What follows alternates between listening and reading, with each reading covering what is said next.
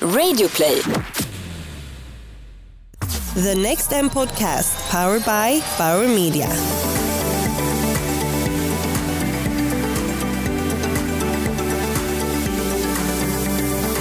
Välkommen till Next M's podcast som produceras tillsammans med Bauer Media. Jag heter Simone Westerberg och är COO på mediebyråkoncernen Group M. I den här podden får du träffa såväl internationella inspiratörer som nationella specialister inom marketing och tech. Jag sitter nu i Bauer Media Studio och framför mig har vi eh, Next M's moderator Maddie. Welcome. tack för inbjudan. Thanks. Oh wow, you speak Swedish as well. That's co- cool. yeah, but not so much at work. I sound a bit like a 12-year-old, but it's it's great to be here uh, on the show. So thank you. Thank you for coming here. So you have been the moderator through Next M these two days. Um, is there any specific highlights that you would like to talk about? I think in general it's been a really engaging conference, and one of the reasons I took the job and, and have enjoyed working here is because it's been quite a diverse lineup, not just in terms of having um, powerful female speakers on the stage, which I've personally found uh, really good to see. It, it, you know, a lot of times you still don't get that representation at tech events, but also in terms of the diversity of opinion. Having people here from Google talking about exciting ways we're going to use data and AI, and then also having um, people like Aral Balkan, who is talking about a more open and democratic internet and, and criticizing some of these big media giants. And I think it's quite um, brave for a tech event to bring those two sides of the story together, but I think it's really important for discussions. I mean, we've seen um, in the past year, you know, I talk from a journalist's perspective, we've had Brexit and we've had the US election, and there's been a lot of talk about media bubbles and, and only, um, you know, getting certain opinions from people within your channels. And so I think it's really important that we share information and different perspectives. So uh, that's one thing in general that I've really enjoyed uh, about NextM. I think for me, uh, the speaker that stood out was the first keynote speaker, Amber Case. She talked a lot about calm tech and being mindful with tech. And I think as a journalist working constantly with news notifications beeping on my phone, you're checking emails. I'm a freelancer, so you know you've got different clients and you're being pushed and pulled in so many different directions. And she talked about that feeling you get when you're you know you're checking your messages and Um, just the importance of kind of you know even if all of us here at this conference and people listening are, are fascinated by new tech you know taking that time to step off the treadmill a little bit and think about how it's affecting our lives and make sure we have time to, to do nothing and switch off from tech because that might be the space in which you get inspired Yeah, and and a little bit about your background. You talked about um, you're a journalist and uh, you do um, work on that as a freelancer and, and some moderating uh, stuff as well. Yeah, so I'm basically a, a freelance foreign correspondent here in Sweden, and um, a bit, a bit of a Swedophile. Um, I do, uh, you know, uncover some uh, things about Sweden which aren't always great, but I came here from the perspective um, having worked at the BBC for 10 years and um, come to Scandinavia on quite a few trips and, and really enjoyed spending time here. Um, the gender equality was a big thing, the outdoor lifestyle, and the tech and the innovation. I thought this would be a really cool place to live. And basically, for a while, kind of tried to persuade the BBC to make me their freelancer. And they, you know, their bosses weren't really sure there'd be enough stories around. Um, and I moved here to become editor of the local Sweden, which is Sweden's uh, biggest English language newspaper. Has about a million um, users a month, and it was a great experience, great introduction to, to Sweden and Swedish life. But the thing that I'm most passionate about is actually getting out there and, and meeting people and doing interviews and being creative. And in, in that editor's role, I was a bit kind of stuck in the office. So yeah, I've been freelance for about 18 months and uh, writing and doing a lot of radio reporting more and more on the innovation and the tech scene in Stockholm because it's so big.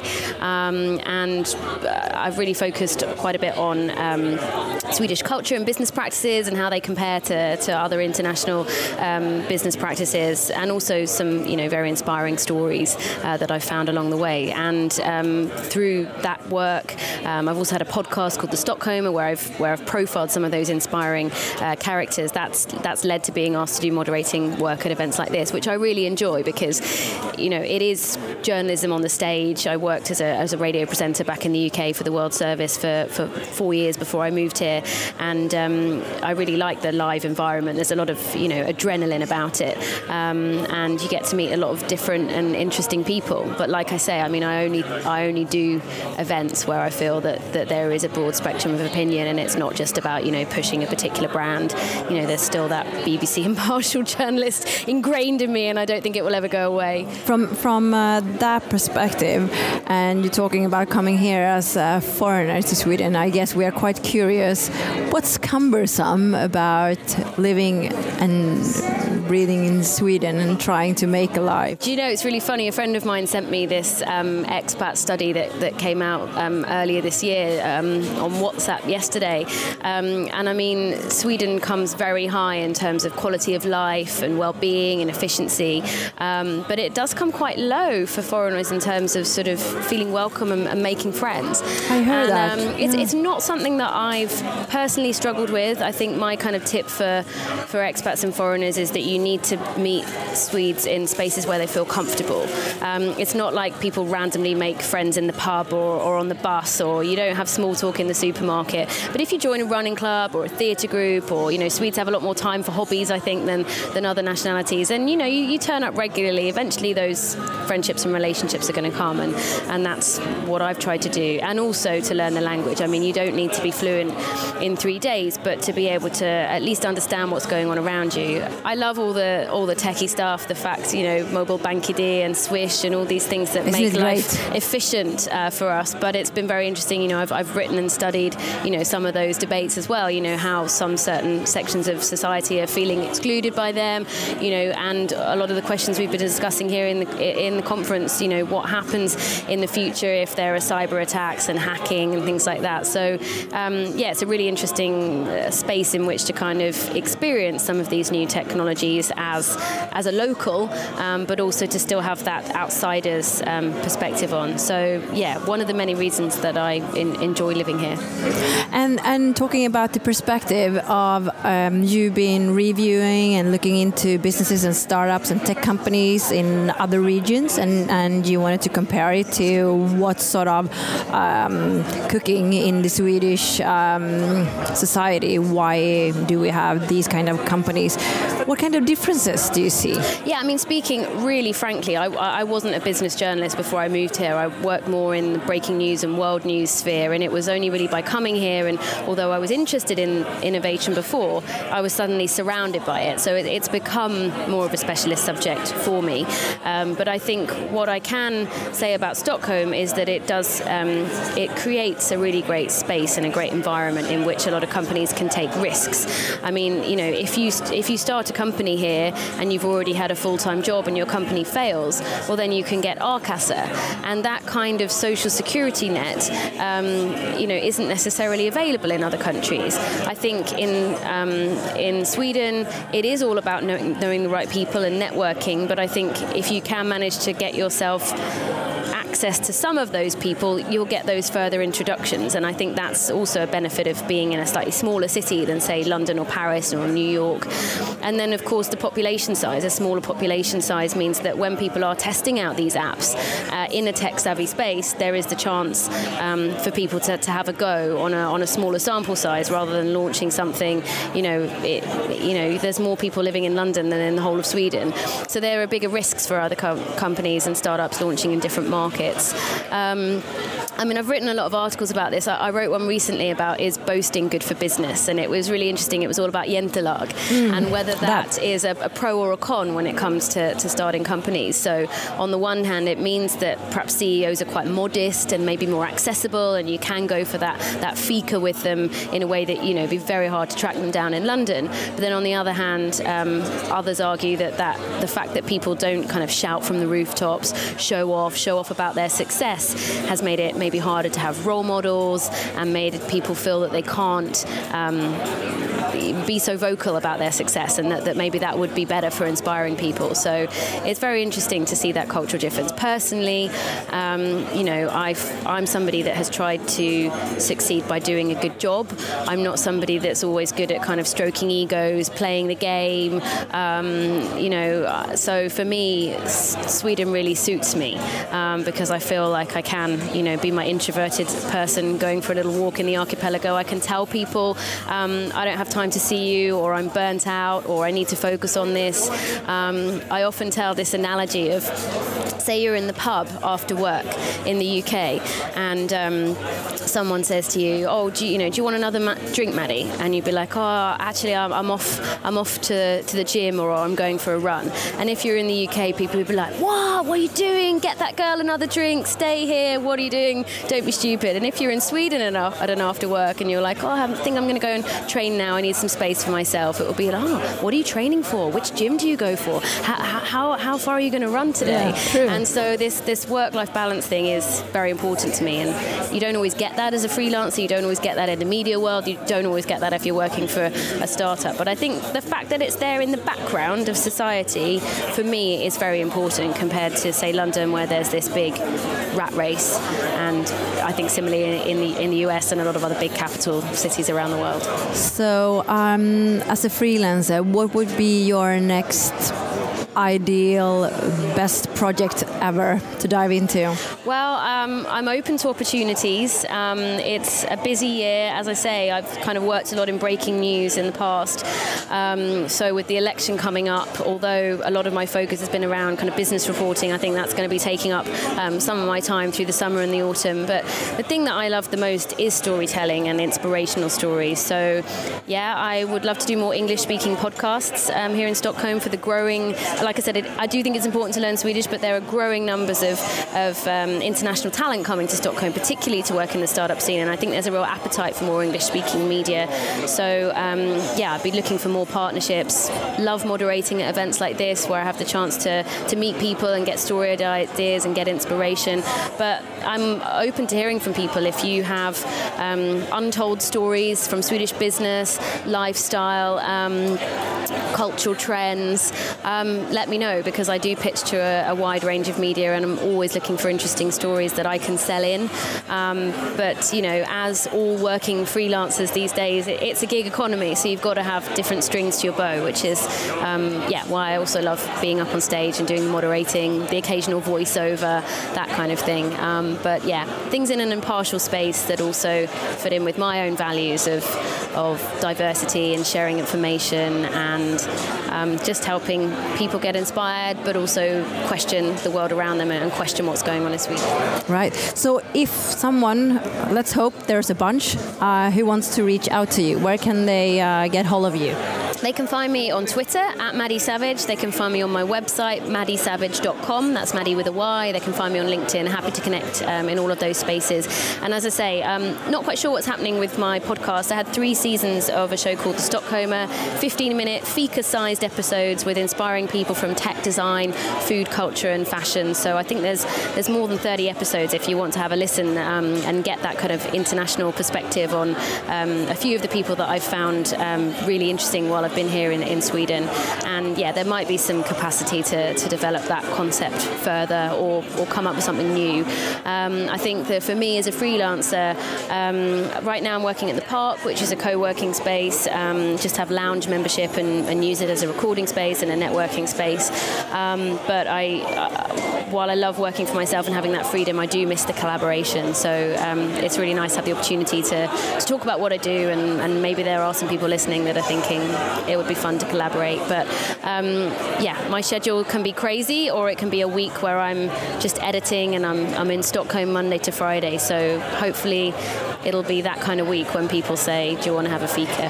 And Yeah. um, yeah, so reach out. Um, People, can- yeah, reach out Yeah. to, to Maddy and uh, make uh, great things happen. Thank you. Um, it's been a really great opportunity. So thanks for having me here and, and having me on the on the podcast.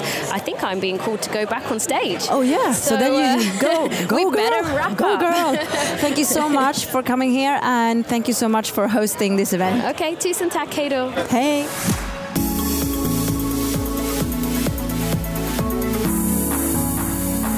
Och just nu så sitter jag i Bauer Media studio och framför mig så har jag eh, Anna Rosang heter jag, ansvarar för digitala kanaler på SF Bio.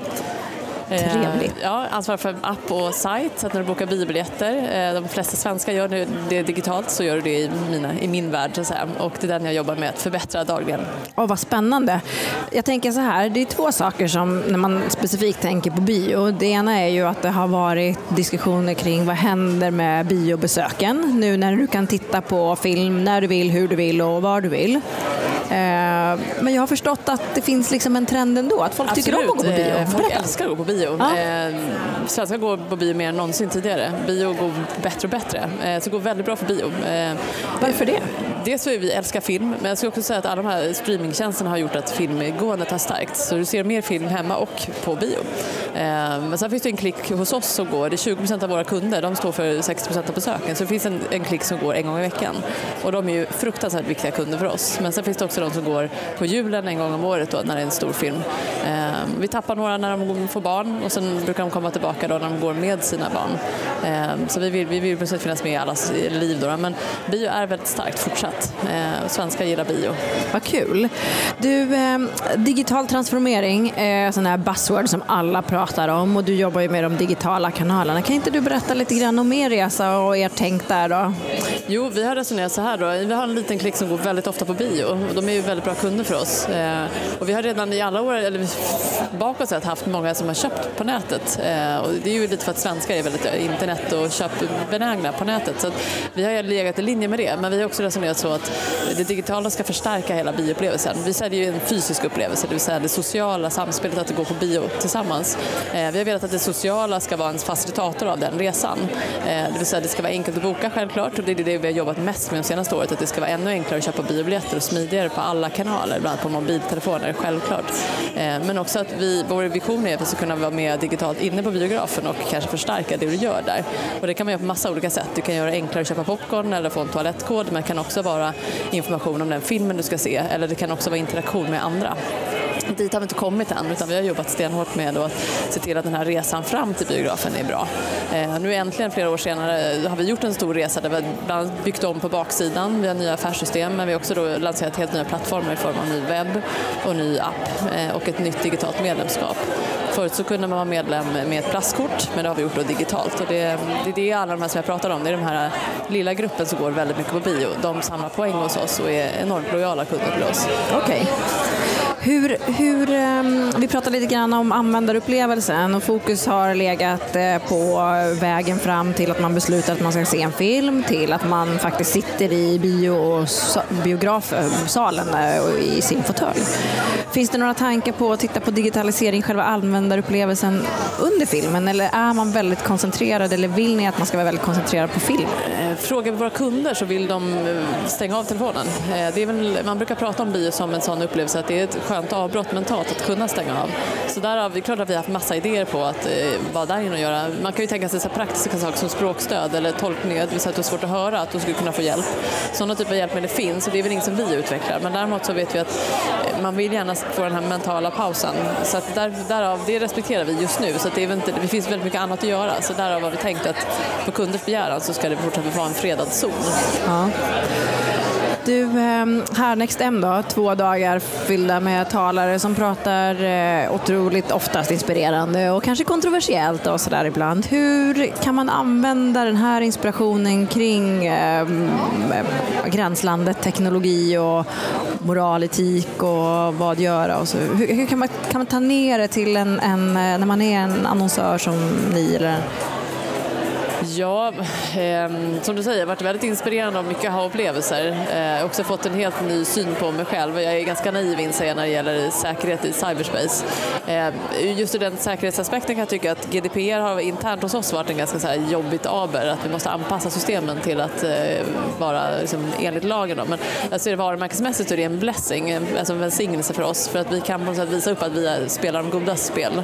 Och vårt perspektiv har ständigt varit att vi ska ge service istället för att eh, ja, samla data. Då, så. Men eh, det är väl en, så här, det ger mig ett perspektiv att det, det är så skulle vi kunna vinkla det här, faktiskt göra en positiv sak av det eh, varumärkesmässigt och berätta att så här tänker vi kring eh, GDPR. Och, eh, liksom, jag tror det skulle kunna stärka vår relation till kunder. Eh, Sen tycker vi röststyrning är väldigt intressant. Eh, jag har hört flera seminarier om det.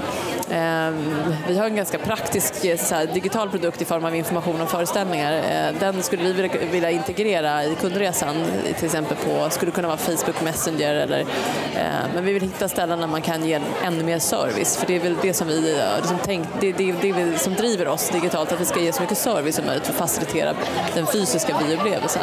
Just det, för att så man snabbare eller lättare ska kunna fatta beslut om ja. vilken film man ska se eller var man ska se den och så vidare. Ja, eh, men så automatisering av det, och, men klart automatisering är ju också en utman, det är utmanat på grund av att vi har starkare regler kring vad man får göra och inte.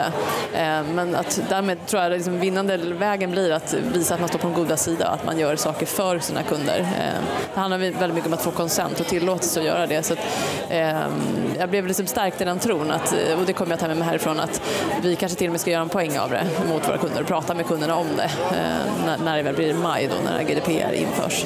Ja, det är väl en sak. Men sen tänker vi också ständigt jämt, vi har precis gjort om våra plattformar och det har varit ett jättejobb på flera år. Eh, dyrt tycker ju alla, men att fortsätta testa. Eh, man måste ju våga testa till exempel röststyrning eller, det kostar ju pengar och så, men självklart, men det, starka, det har väl också blivit starkt ja, i den tron att vi måste fortsätta våga testa grejer. Så nästa steg för oss är väl att dels optimera upplevelsen innan du kommer in på, på bion, men också att försöka testa Eh, på biografen med våra digitala devices. Då eller kanaler. Om man eh, lite grann kanske får utmana då. Eh, traditionellt sett så har ju annonsering för biofilmer sett ganska lika ut under lång tid. Man eh, promotar filmen Eh, via, via eh, tv-spottar och, och sådär. Eh, eller lite mer i form av radannonser man kan säga för filmerna i, i, i print. Ser du någon ändring på det givet alla möjligheter i kanaler och så vidare eller är det ett beprövat grepp som inte behövs ändras? Både och. Alltså, nu, nu, ska jag bara klara en sak. SF Bio då, där jag, som jag representerar, vi, vi säljer bioupplevelsen och vi marknadsför inte filmerna utan vi, vi lever i symbios med filmdistributörerna. Vi har ju flera stycken av Disney, vi har Fox, eh, Nordisk Film och så där. Det är de som distribuerar, det är också de som köper all media och marknadsför filmerna. Eh, så det, den frågan är igen ställd till dem tror jag. Men om man ska tala lite för dem så tror jag att eh, vi såg några exempel som Fox hade gjort för Twitch, att de hade då gjort reklam för Alien eh, med kända influencers och det tror jag är en framgångsrik väg. Så det kan man säga att, ja, att bara sända den på TV, det kommer nog inte vara lika lönsamt. Jag tror fortfarande att du har bra genomslag men eh, du får mycket mer ROI om du gör det i nya kanaler där eh, målgruppen finns. Eh, men jag, jag tror nog att några av dem är väldigt duktiga redan. Och det är väl också inte bara drivet från Sverige, det är drivet från, ofta från USA. Men jag skulle säga att ja, absolut en förflyttning kommer ju bli. Men det kommer bara bli mera äh, diversifierat. Du måste synas på fler ställen. Du måste vara relevantare än någonsin. Eh, samma sanning liksom, men det blir svårare och svårare. Jag såg för ett tag sedan så var det faktiskt något bolag som gjorde reklam i eh, konsolspel. Där är ju nu för tiden liksom uppkopplad online och så vidare och då var det ett fotbollsspel och så eh, gjorde de ju då reklam i, i, på fotbollsarenan fast det var i ett konsol om vi kopplar det till VR och så vidare, hur, har ni eh, utforskat några tankar kring hur man skulle kunna använda det eller är gaming entertainment på samma sätt? Ehm, jag har absolut pratat om det. Eh, det är alltid väldigt roligt att gå loss på idéer. Eh, filmvärlden är ju väldigt eh, härlig, alla älskar film och de är kända. Väldigt många av de här filmerna är ju kända. Alltså, Star Wars-figurer känner folk till och det är väl något som man leker med att det skulle kunna vara en del av bioupplevelsen för vi, vi har ju också ett, så ett fönster som, som är konkurrensutsatt. Så om Netflix börjar sända egna filmer som inte har premiär på bio så, så tappar bio på det. Men att man ska göra bioupplevelsen mer speciell. Att ett, ställe där, ett ställe där det bara kan... Det finns inget annat ställe där du skulle kunna träffa de här, eh, eller testa de här upplevelserna. Det skulle kunna vara någonting som vi eh, ja, testar. Men det kommer ju återigen vara i liten skala. Eh, alla, alla som har testat är i ganska liten skala. Och det är ganska dyrt också. Det är väl också en stor, eh, stor utmaning att göra de här miljöerna. Det är väldigt dyrt. Precis, i dagsläget. Vi får se hur det ändras. Du, jag tycker det var jätteintressant du sa så här. Det, och jag tänker att det, det, är liknande för många industrier som går in i samma när en stor skiftning sker som Netflix, HBO och andra mm, streamingtjänster kommer. Och det ni såg var ju snarare att, att biotittandet gick upp. Vet ni vad det finns för drivande, eller har ni försökt ta reda på vad det finns för drivande mekanismer bakom detta? Alltså, vi har ju också jobbat mycket med, i alla fall Sverige har vi jobbat väldigt mycket med biografupplevelsen. Det, vill säga, det är viktigt att investera i bion. Alltså, du ska ha sköna stolar, det ska vara ett bra utbud av popcorn och eh, du måste ha um, utbud av filmer som folk vill se. Så det är klart, det är, väl, det är väl flera saker som ligger bakom det. Det är inte bara att Netflix kommer in och så, så stärks intresset för film. Men, men eh, så att alla de här faktorerna har ju bidragit till att bio har varit fortsatt starkt. Man kan väl se på andra länder i Europa att man inte satsat lika mycket på att biografen är fräsch. Eh, då då framstår inte det som ett alternativ att göra på en lördagkväll. Eh, vi, vi tävlar med folks liksom, nöjesplånbok. Så vi måste investera i den, det måste vara prisvärt. Eh, och vi gör väldigt mycket löpande tracking på hur prisvärda man tycker att bio är då. Och det beror ju väldigt mycket också på film men det beror också på vilken kategori du tillhör, om du är barnfamilj eh, eller om du är en ung person som inte behöver bry dig om någon annan. Så jag tror du måste investera i den här prisvärdigheten också självklart. På den digitala sidan så kan jag tycka att det, jag, jag tror inte vi, har vi en bra sajt så kommer man inte uppfatta att vi är mer prisvärda. Man kommer däremot bli väldigt irriterad på oss om man inte har en bra sajt. Eh, så vi, vi gör vad vi kan från digitalt håll men eh, på sikt så hoppas vi också att det digitala kan bidra till den här prisvärdheten. Att bio som vi ser är en social tillfälle, ett socialt event. Det är inte bara filmen utan det är, bio, det är bioupplevelsen vi säljer och då tror vi att en sån här dag som vi har sett idag med massa nya tjänster framåt så kan man göra bioupplevelsen ännu mer speciell. Spännande. Du, eh, avslutningsvis, vilka eller vilken film tycker du att man inte får missa i vår? Skulle kunna dra till med Avengers kanske då, om man tittar på stora massan. Ehm, själv är jag lite mer smal, så här, gillar franska filmer. Ehm. Ja, men vad bra, jag är gammal filmvetare. Perfekt, okay. hit me. Okay. Ehm, ärligt talat så vet jag faktiskt inte vilken du inte får missa. Jag får nog återkomma på den, för jag är dåligt påläst just idag faktiskt. Jag är så ja. inne i den här eh, virtuella världen nu. Så ja, jag förstår. Jag har tappat greppet om den verkliga världen. Men då är Adventure man kanske ska gå och kolla Avengers, på om man ska. Eh, det tycker jag du ska. Det är om inte annat tillhör allmänbildningen. Ja. Sett en sån. Då säger vi att... gjorde också. Okej, okay. men då har vi någonting att se fram emot, eh, både poddpubliken och eh, biopubliken. Ja, härligt. Stort tack för att du kom hit till oss. Tack själv. Tack.